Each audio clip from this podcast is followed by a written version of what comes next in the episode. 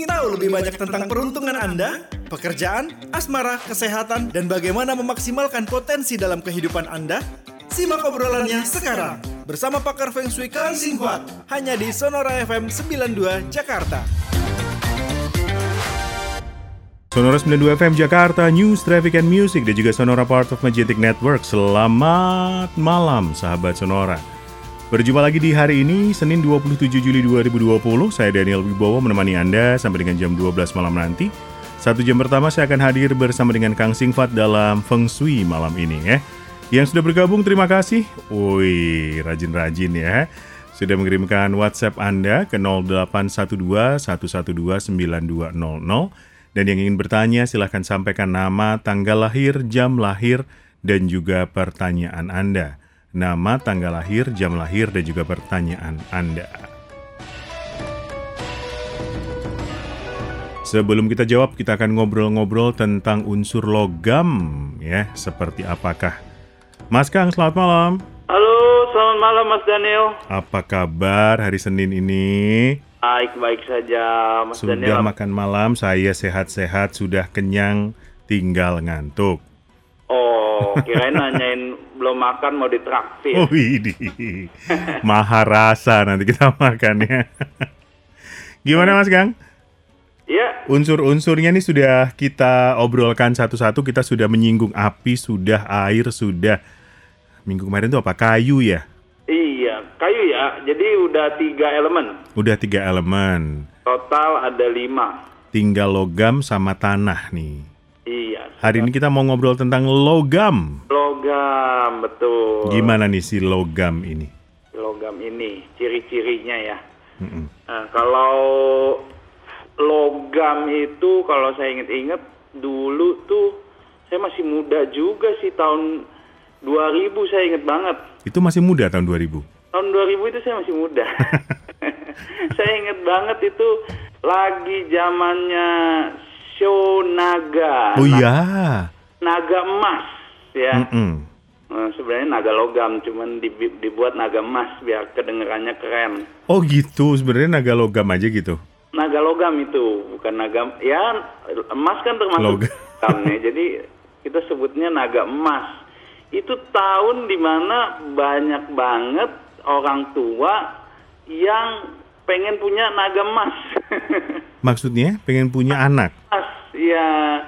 Jadi itu ada eh, artikelnya juga, ada clippingnya juga kalau tahun 2000 itu wah banyak banget apalagi Asia Tenggara ya. Jadi eh, mereka berpendapat kalau punya anak naga emas itu, anak naga logam itu bawa rejeki. Oh. Nah menarik juga kan sama, kita lagi ngebahas logam nih. Oh gitu. Iya, jadi eh, mereka berpendapat, berpendapat kalau eh, udah naga nih kan, show naga itu sendiri ada ada daya tarik sendiri, Mm-mm. ya. Apalagi kalau di eh, budaya China itu kalau naga itu identik dengan raja. Betul. Ya, jadi naga udah naga ada emasnya lagi. Udah puncak-puncaknya puncak gitu kan. eh, puncaknya. Jadi tahun 2000 itu bener-bener wow banget. Ya, Mas kan lahir tahun 2000. Iya tahun 2000. Kalau dapat saya, saya bukan. Oh, bukan. Mungkin Mas Daniel. Bukan dong. Bukan ya. Masih muda amat kita ya. Berarti. Oke, nah eh, memang sebegitu apa namanya? Yang menarik adalah emasnya atau percampuran dengan naganya yang membuatnya spesial. Dua-duanya. ya. Jadi naga itu sendiri kan tadi karisma ya. Emasnya itu kan eh, juga identik dengan rejeki ya. Eh, harta melimpah. Amin. Ya, nah itu eh, kepercayaannya. Tapi sebenarnya logam sendiri itu ada ciri-cirinya yang mau kita bahas. Oke. Nah, unsur logam itu adalah kan kita tahu sendiri logam itu keras, Mm-mm, ya kan? mm-mm. Nah, jadi kalau di eh, artikan ke sifat bahwa orang orang logam ini punya tingkat kepercayaan yang tinggi. Kepercayaan diri. Iya, kepercayaan diri yang Oke. tinggi. Jadi eh, orangnya confident. Oke. ya nggak malu tampil di depan umum eh, dan juga orangnya itu profesional. Wah, saya banget itu. Nah, Logam berarti saya ya. berat ini, ini berat, Berat ini jelasinnya. Mau diiyain kok gimana? Nggak dia. Tapi saya lanjut dulu deh. Oke. Ya, selain profesional, eh, orang yang punya eh, karakter logam ini punya kemauan yang kuat. Hmm. Kemauan yang kuat eh, termasuk cita-citanya. Oke. Ya, cita-citanya tinggi dan eh, kemauannya juga seperti itu, kemauannya kuat, ya. Eh, kalau cita-citanya tinggi, ya jadi eh, dia set targetnya juga tinggi. Hmm. Ya, jadi nggak bukan yang sedang-sedang ya. Dia pasti aimnya, targetnya itu tinggi gitu. Misal, saya pengen jadi dokter, pengen jadi pengusahawan yang sukses sekali. Dari kecil itu udah kebentuk dari eh, visi mereka. Jadi anak-anak yang eh, elemen logamnya tinggi itu mereka eh, sortir, mereka lihat sekeliling mereka, mereka belajar untuk punya eh, target, cita-cita yang tinggi. Apalagi kalau orang tuanya juga seperti itu. Mhm. Ya, jadi itu adalah eh, positifnya. Positifnya. Ya, nggak gampang untuk eh, merubah kemauan eh, dari eh, individu yang punya logam unsur logam ini. Eh, karena mereka punya apa namanya keinginan yang kuat begitu. Apakah mereka juga eh, tahu apa yang diinginkan? Ya, jadi mereka pertama tahu apa yang mereka inginkan. Jadi sudah ada di benak mereka suatu target. Hmm. Jadi eh, untuk mendapatkan target itu, itu kita mesti lihat elemen lain, ya. Oke. Tapi yang mesti dilihat di sini logamnya. Logamnya artinya mereka punya keinginan yang bulat. Saya bulat. Nah, tapi mengejarnya bisa atau enggak? Nah, mengejarnya itu butuh elemen lain. Oh iya benar. Jadi kalau hanya di angan-angan, di keinginan itu di logam, ya. Mereka punya Hmm. tinggi dan kemauan yang tinggi. Ya, cita-citanya juga udah bulat. Nah, pengen jadi A gitu. Nah, cara untuk mendapatkan si A itu kita mesti lihat elemen lain. Mhm. Itu. Oke, itu kelebihannya. Nah, itu kelebihannya. Kita mau langsung ke negatifnya. Habis jeda ya negatifnya ya. Habis jeda. Nah, eh, apa namanya? Kalau yang punya logam ini itu kelihatan dari mana sih Mas Kang? Tanggal lahir gitu ketahuan muncul eh, punya elemen logam. Betul. Jadi dari komposisi lima unsur itu kita dapat dari tanggal lahir dan jam. Apakah setiap orang akan punya lima unsurnya dengan persentase yang berbeda-beda? Betul, persentase yang beda-beda dan malah ada yang timpang banget. Oh, Jadi- tapi semuanya punya. Enggak.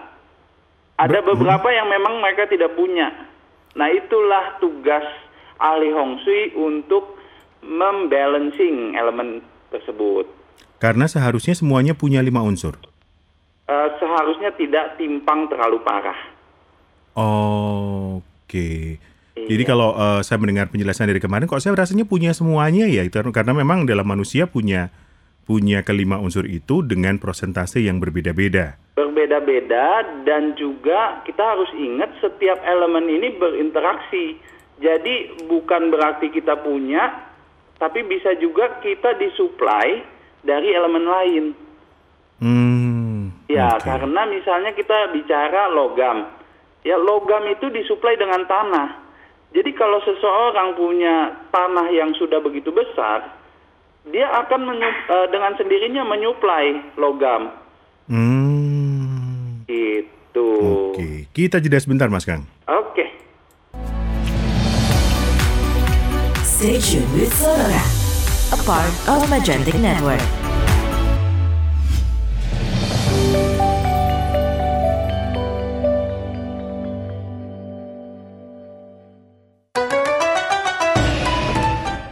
Selamat malam lagi untuk Anda sahabat Sonora yang masih bergabung malam hari ini. Selamat malam juga yang menyaksikan lewat YouTube-nya Sonora FM ya. ada bisa Anda saksikan dan juga nanti bisa ditonton lagi tentu saja di waktu-waktu selanjutnya jika mungkin kurang jelas nih obrolan saya dengan Mas Kang malam hari ini yang lagi membicarakan tentang unsur logam.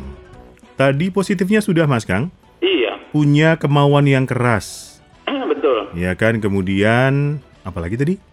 Eh, profesional, Profesional. dan yang tinggi. percaya diri yang tinggi. Oke, Iya. nah sekarang saatnya.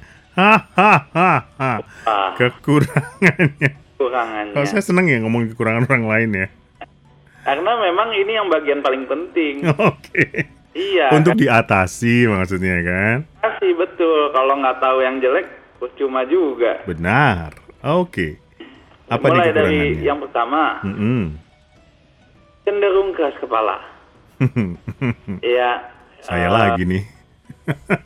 Kepala ya, berarti susah untuk terima masukan dari orang lain. Susah bukan berarti nggak bisa kan? Iya, eh, termasuk susah tapi belum tentu eh, nggak bisa. Oke. Ya, un- butuh eh, cara tersendiri Hmm. Eh, bisa menasehati orang yang unsur logamnya tinggi. Oke. Keras kepala. Eh, ya, keras kepala. Baru satu. Masa cuma satu nggak mungkin dong? Nah, di mereka juga eh, banyakan tampil eh, sepertinya arogan. Padahal iya. Eh, ada cenderung arogan, betul. Hmm. ya, jadi Arogan itu misalnya gimana Mas Kang? Arogan artinya eh, mereka ya tadi tidak eh, suka memotong eh, pendapat orang lain, Hmm. eh, menganggap eh, bawaan eh, apa eh, kemauan mereka yang sudah betul gitu. Oke. Ya, jadi eh, suka eh, memaksakan kehendaknya juga ke Waduh. orang lain. Nah, Dominan nggak sih Mas Kang orangnya? Dominan, Dominan. dominan. Hmm. Ya, jadi eh, itu kita mesti bisa bedain eh, logam dan kayu, karena kayu itu menunjukkan karisma. Mm-mm. Nah, kalau logam kalau berkelebihan, berlimpah, itu jadinya yang muncul bukan karisma, jadi arogan. Jadi kan ada dua macam leadership jadinya. Ya. Ya, satu memimpin dengan eh, karismanya, satu lagi lebih otoriter Hmm, Oke. gitu. Nah, itulah logam. Nah, satu lagi juga kalau logam yang berlebihan itu bisa menjadikan orang tersebut pendendam. Uh. Orang yang logamnya tinggi itu sebenarnya juga susah untuk eh, benci sama orang. Mm-mm. Tapi kalau sudah eh, terlanjur benci, itu jadinya pendendam. Hmm, saya nggak jadi logam deh. Ya, jadi berarti nggak ada logam nih. Jangan dong. Tapi logam yang berkecukupan itu penting banget. Karena Karena kalau kita eh, tidak ada logamnya, itu kita bisa jadi tidak tentu arah dan menyia-nyiakan waktu kita. Karena Oh. ada nggak ada targetnya, nggak ada arahnya, maunya itu semua eh, dicoba dan eh, tergiur banyak hal yang ditawarkan oleh oleh orang lain. Jadi nggak fokus. Nah itu satu lagi positifnya logam, dia adalah orang yang fokus. jelas tahu mau ngapain gitu ya. Betul dan fokus dia kalau mengerjakan satu hal itu ditekunin benar-benar dan susah untuk ambil perhatiannya.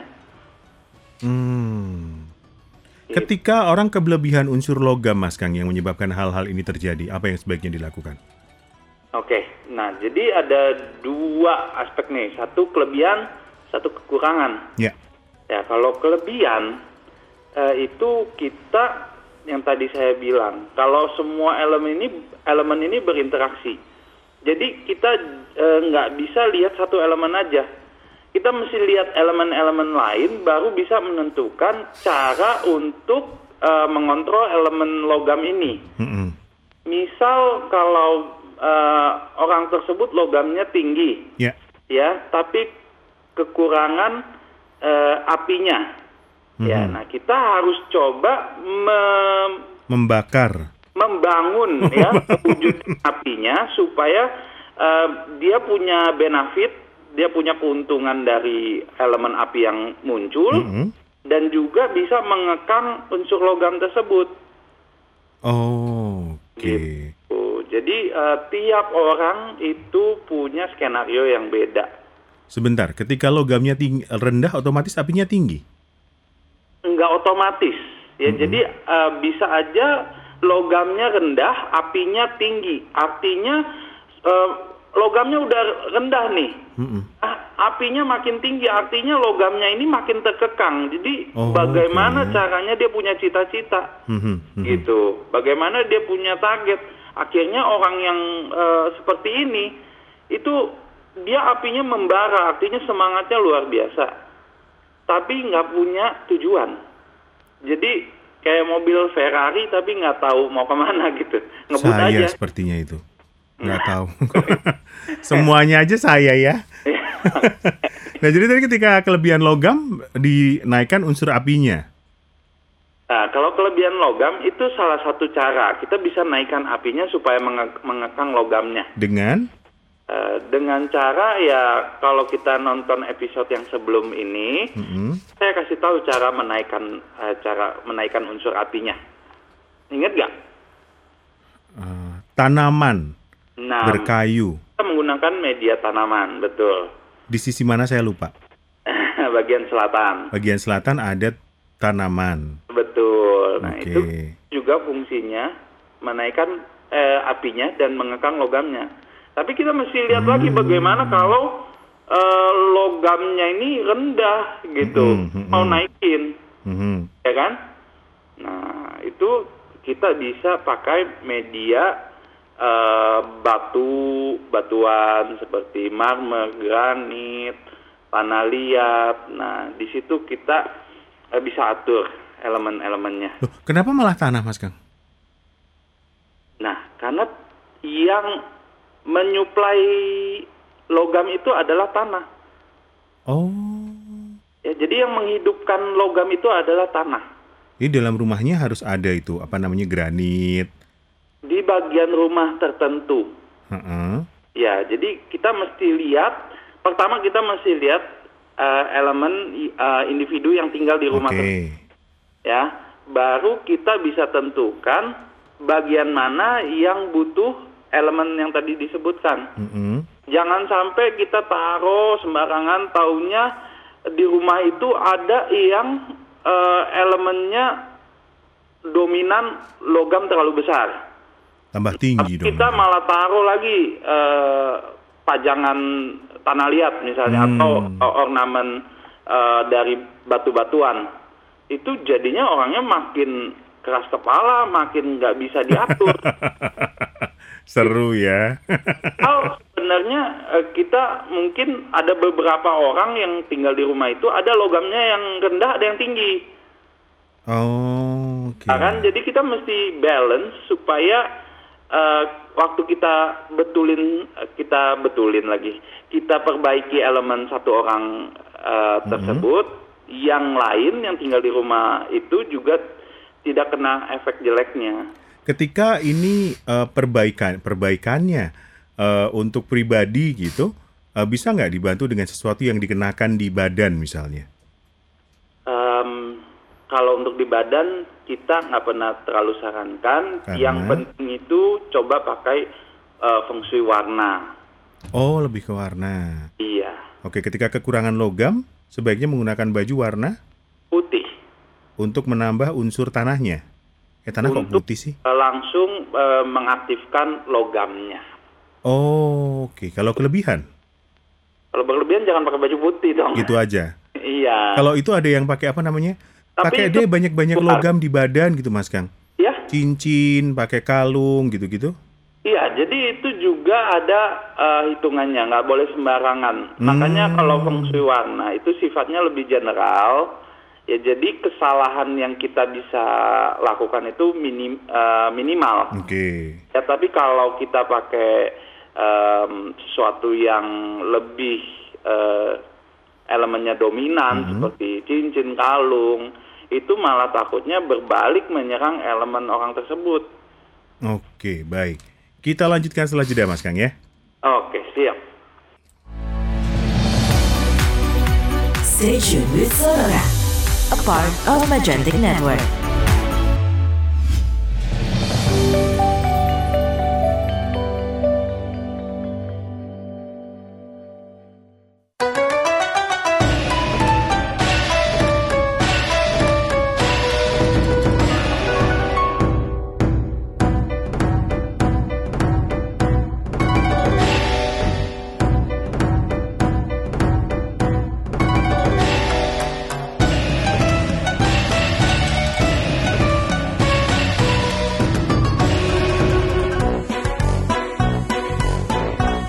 Feng Shui bersama dengan Kang Sifat, sahabat Sonora, unsur logam, apa pengaruhnya, ya kan, bagi sifat-sifat manusia. Sudah lengkap semuanya Mas Kang, kelebihannya sudah, kekurangannya sudah, kalau kurang diapain, kalau lebih diapain gitu kan. Kita lanjutkan, Oke, boleh. mau jawab pertanyaannya ya. Ayo kita bantuin ini pendengar sonora Ada Rudy. Rudi. Ha-ha. Rudi, Rudy, jeng, jeng. tanggal lahirnya Tanggal 30 bulan 6 tahun 82. eh, jam lahir ada 19 tanggal 30 bulan 6 tahun 82 jam 7 malam. oh 19 pas. Iya. Ada temennya atau ada Ada istrinya dong, tapi nggak ada namanya. Oke, ada Istri tanggal lahirnya. saya lahirnya tanggal 13 bulan 11 Oke. tahun 88. Eh, jamnya ada 2.50 eh, pagi, subuh. pagi, belum subuh itu. Belum subuh 25 2.50. 50. Oke. Saya ulangi datanya, Rudi 3682 jam 7 malam, istrinya 13 11 88 jam 2.50. Mm-mm, gimana Pak Rudi? Apa yang bisa Cuma saya mau nanya tentang arah rumah nih Mas Kang. Waduh, duh, duh, duh, ini dia. Disebutkan nggak posisi apa sekarang? Enggak dong, daripada kita deg-degan nyuruh pindah ya kan, mendingan nggak usah tahu. Oke. Dari yang sandarannya ke utara, Sandaran ke utara ber apa namanya? menghadap ke selatan. Menghadap ke selatan, ya. Oke. Mas Kang kemarin tuh ngobrol-ngobrol sama teman-teman arsitek gitu. Katanya ada yang mensiasati ini dengan eh pintu rumahnya dibalik nih. Itu boleh nggak sih? Nah itu nggak boleh sembarangan dan eh, kalau eh, kita biasanya ngomongin posisi rumah itu kita baru ngomongin kafling Kaplingnya. Oke. tanahnya doang. Mm-mm. Ini belum ada bangunannya. Oke. Kalau sudah salah itu otomatis salah. Kita nggak bisa Hmm. uh, melawan alam dengan cara pindahin pintunya ke mana-mana. Nah itu biasanya uh, banyak yang nyoba akhirnya hasilnya nol besar. Oke. Ini kita berbicara dari sisi feng shui ya, sahabat Sonoraya tidak terkait dengan elemen lainnya ya. Jadi dari kalau kasusnya Pak Rudi bersandar ke utara menghadap ke selatan. Iya itu Oke. tanahnya. Tanahnya, pintunya nanti ada hitungannya lagi. Pintunya lain lagi. Oke. Nah, ini satu lagi. Kalau letak kamar mandi yang berada dalam kamar utama, itu masalah atau tidak? Uh, iya. Jadi kalau nggak salah kita juga pernah bahas peletakan kamar mandi di dalam kamar tidur utama itu boleh-boleh aja, tapi tidak boleh langsung berhadapan Dengan dengan eh, ranjang. Jadi eh, biasanya untuk menghemat ruangan eh, itu kamar mandinya samping-sampingan sama eh, ranjangnya. Nah, jadi Oh. salah. samping-sampingan tuh kepala sebelah kepala ranjang pintu kamar mandi gitu. Iya, betul. itu nggak boleh. Nggak boleh. Hmm. Tapi banyak juga yang jalan seperti itu karena untuk menghemat tempat. Mm-mm. Nah, solusinya ya kita harus buat sekatan. Kita nggak boleh eh, langsung eh, dari ranjang itu sampingnya WC. Oke. Kalau anak kosan gimana Mas Kang? Kan segitu-segitu doang tempatnya. Iya, anak kosan yang paling kasihan selain eh, WC juga ada bersebelahan dengan dapur. Jadi eh, untuk eh, percintaannya berat sekali. Pantas percintaan saya berat. oh, Oke. Saya besok cari kosan yang nggak ada dapurnya deh. Ini saya secara nggak langsung nggak sengaja loh. Makasih loh. Makasih. Ini sudah kamar mandinya di dalam kamar, ya kan? Terus Ya. eh, untung kosan saya yang sekarang nggak ada dapurnya, Mas Kang. Jadi semoga jodohnya lebih lancar. Amin, saya doain. Eh, untuk Pak Rudi, selain posisi rumahnya ada yang Gak lain? ada, udah Pak Rudi itu aja. Ya, ya saya ingetin dikit deh untuk Pak Rudi. ya, Eh, jangan eh, kecapean ya, Mhm. Yang cukup. eh, jangan makan yang berminyak-minyak, ya, eh, sama jangan terlalu stres. oh, oke. Hmm, itu aja sih masukan dari saya untuk Pak Rudi. Baik, terima kasih Pak Rudi sudah bergabung. Kemudian selamat malam. Ada siapa ini yang sudah bergabung lagi? 0812 112 9200. Ada Mona. Mona, Mona eh, dengan perempuan, ya, Perempuan dong. oke. Tanggal Tanggal lahirnya 19 bulan 1 tahun 70 Iya, tang eh, jamnya 0005 0005. 19 bulan 1 70 0005 Yang ditanyakan adalah karirnya di tahun ini Mas Kang. Karirnya. Saya nggak tega ngomongnya. iya, untuk Ibu Mona kan kalau hitungannya tahun ini itu tidak selaras ya. Oke Jadi eh pasti banyak cobaan baik di eh, rumah juga di kerjaan. Mm-mm.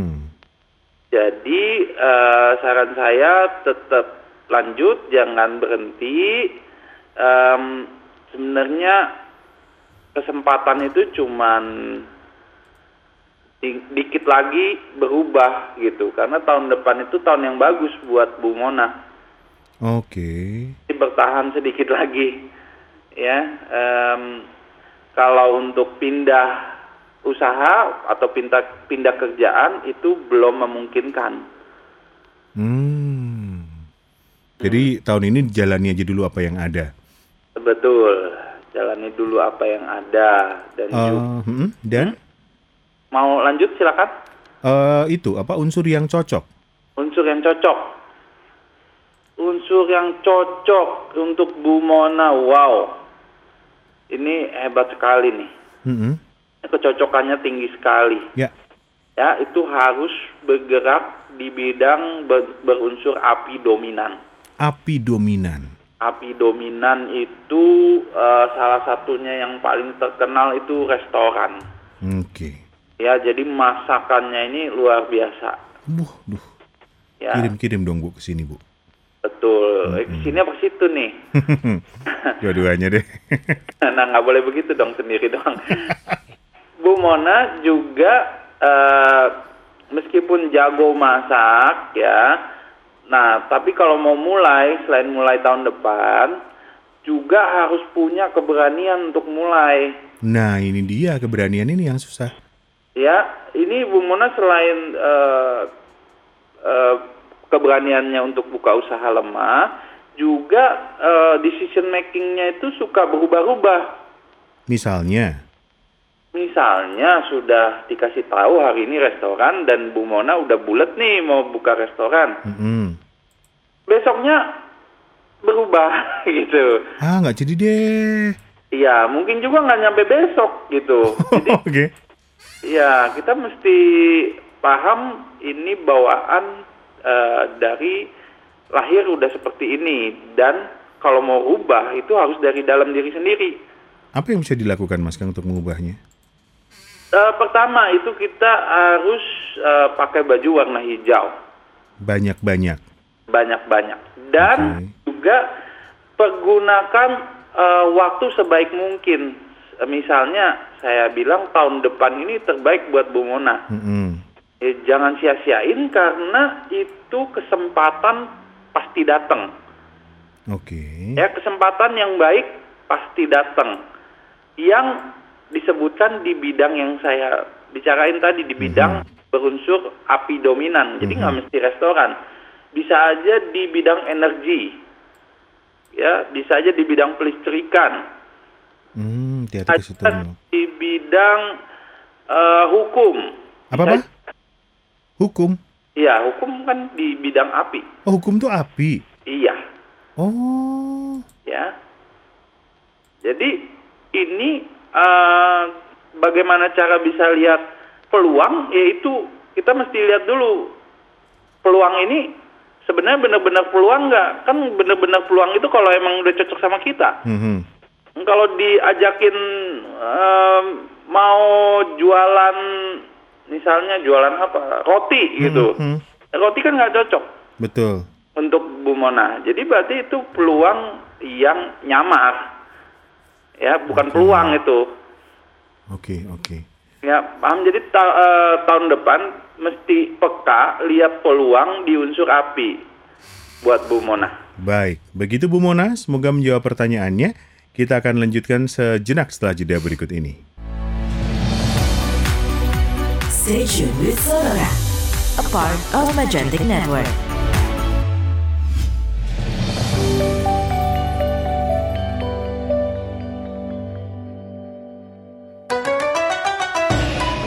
Sisa di satu sesi terakhir, sahabat Sonora. Kita akan kembali jawab pertanyaan Anda di 0812-112-9200. Mas Kang, Halo, ini ada Bapak Hardianto. Yanto. Hardianto, tanggal lahirnya tanggal 26 Dan bulan 1 tahun? tahunnya 68. Jamnya Hardianto 26168 jamnya jam 8.30 pagi ya. pagi. Ini ingin bangun rumah, pilihan waktunya sebaiknya kapan ya? Pilih bangun rumah itu ya betul lebih baik mulai tahun ini. Tahun ini, oke. Hmm, eh, bulan, tanggal, dan jam silakan eh, nggak bisa juga. Harus dikonsultasiin ini kalau Oke. cari tanggal doang sih bisa dari kalender. Dari kalender ada ya? Eh, tapi kalau mau perfect sampai jam mulainya itu mesti dikonsultasiin. Oke, tapi uh, bulan intinya tahun ini boleh Tahun ini boleh betul. sampai dengan maksimal bulan Em, sampai bulan Apa sih? 12 kalau saya nggak salah. bulan 12 Imlek ya? Enggak, sampai bulan 12 Bulan ini. 12 ini. Iya. Oke, sampai dengan Desember nanti ya. Itu Iya. mulainya. Kalau setelah tahun depan masih berjalan masih boleh, Mas Kang? Boleh, betul. Masih boleh, baik. harus dihitung lagi kapan eh, orangnya masuk ke rumah baru. Oke, baik. Ya. Ya, begitu Pak Hardianto untuk tahun ini boleh untuk tanggalnya ada di bukunya Pak Kang Hongkian. Kalau untuk lebih detailnya bisa langsung dikonsultasikan. Kemudian eh, secara feng shui apakah tangga utama berada di area carport? Jadi ini menyertakan foto Mas Kang. Itu ada tangga yang naik ke lantai dua, kelihatan dari halaman depan. Tangga utamanya. Mm-mm, katanya begitu. Nah, itu nggak boleh. Oh nggak boleh. Nggak boleh. Jadi kalau bawah garasi kemudian naik ke ruang tamunya ke lantai dua gitu mungkin Hmm. tangganya dari depan nggak boleh. Tangga utama yang terlihat dari arah depan rumah. Mm-mm. Itu prinsipnya. Itu nggak boleh. Nggak boleh. Hmm, jadi memang harus di dalam rumah. Harus di dalam rumah. Oke, baik. Semoga menjawab Pak Hardianto. Kemudian saya lanjutkan ada Handaru Sadega. Wih, namanya susah amat. Sebentar. Susah namanya ya. Daru Handaru Sadega. Sadega. Mm-mm. Oke. Tanggal 16 Ini pria atau pria. 16? Bulan Oktober itu berapa? 10? 10? Jam 6 pagi. Eh, tahunnya? tang- 93. 1993. 16 Oktober 93 ta- jam 6 pagi. Ya. Tanya tentang jodoh dan karir. Jodoh dan karir. Mm-mm. Jodohnya dan karirnya. Ya. Jodohnya kalau untuk tahun ini em, agak susah dapat yang terbaik. Oke. Jadi kalau mau eh, mau tunggu itu tahun depan banyak peluang eh, persahabatan yang lebih luas lagi, per- Mhm. lebih luas lagi mungkin ada kemungkinan besar eh, bisa dapat jodoh yang lebih baik. Oke. Iya. Tahun ini nggak bisa ya? Tahun ini bukannya nggak bisa, tapi pertama banyak tantangannya, Mhm. kedua pilihannya juga eh, tidak terlalu signifikan. Tahun ini ciong lagi mas kan? Eh, untuk Pak eh Mas Handaru tahun ini ciong betul. Oh tahun ini ciong itu cio Itu ayam. ayam, ayam ciong ya. Ayam eh, secara umum cocoknya itu sama show kerbau, show ular. Oke, tahun ini jodohnya agak susah nih. Tahun depan nanti peluangnya lebih besar. Karir seperti apa? Eh, karir juga eh, udah pasti secara umum eh, banyak tantangannya, Mhm. cuman karena ini eh, spesial, spesial ayam.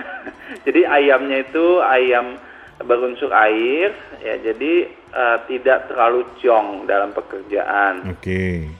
Ya tapi bukan berarti nggak ada yang penting itu kalau usaha jangan ekspansi pada tahun ini Mhm. kalau kerja itu jangan berhenti pada tahun ini Oke. Ini unsur yang cocok bidang? unsur yang cocok ada beberapa ini multi talent untuk eh, Mas Handaru bisa coba di unsur ka- dominan kayu atau di dominan tanah Dominan kayu, dominan tanah. Itu misalnya apa? Jasa betul PR gitu? Jasa eh, itu di tanah, betul. Jasa apa pun, Apa namanya? Jadi perantara apa sih namanya? antara apa? Jual-jual apa? apa- bukan jualan ya. Jasa pijat. Kok? Ya, spa, spa, spa. Spa itu apa Mas Kang? Itu di jasa, betul. Betul kan? Spa gitu jasa. Betul. Lalu juga misalnya di kayu, di hasil hutan hasil bumi juga cocok. Hmm, hmm. Itu juga jasa eh, dicampur dengan eh, kayunya bisa jasa mebel, Mebel juga cocok. workshop mebel, eh, jadi eh, custom mebel ya. Oke, public relation gitu Mas Kang? Eh, public relation itu di tanah air, Oh, tanah air. betul. Oke, jadi jasa tanah dan kayu ini cocok. Oke, perlu dengan warna tertentu mungkin? Untuk Handaru nggak ada, cuman nah kita pas banget nih endingnya itu logamnya tinggi nih. Oh, logamnya tinggi dia. logamnya tinggi ya jadi tolong eh, pakai baju warna putihnya dikurangi aja. Hmm, emang senang pakai baju warna putih ya? Biasanya. Cenderung suka eh, warna putih, tertarik sama warna putih. Belum tentu bajunya, saya mungkin bisa suka lihat eh, mobil putih, rumah putih, gitu. Nah, tapi biasanya berkelanjutan ke pakaiannya juga putih, gitu. Oke, jadi kurangi baju warna putih. Iya, Lebih banyak pakai baju warna? nggak ada yang harus, nggak ada yang diharuskan. Nggak ada, kecuali putih aja dikurangi. Iya. Oke, baik. Mas Kang, terima kasih untuk waktunya malam hari ini. Oke, terima kasih sama-sama. Mas Kita akan ketemu lagi minggu depan, berarti unsur yang terakhir adalah unsur Tanah. tanah. Iya. Oke, baiklah. Terima kasih, Kang Singfat. Oke, terima kasih. Demikian sahabat Sonora, Kang Singfat sudah menemani Anda selama satu jam yang belum terjawab pertanyaannya. Minggu depan silahkan bergabung lagi. Anda bisa kirimkan WhatsApp di 0812 112 9200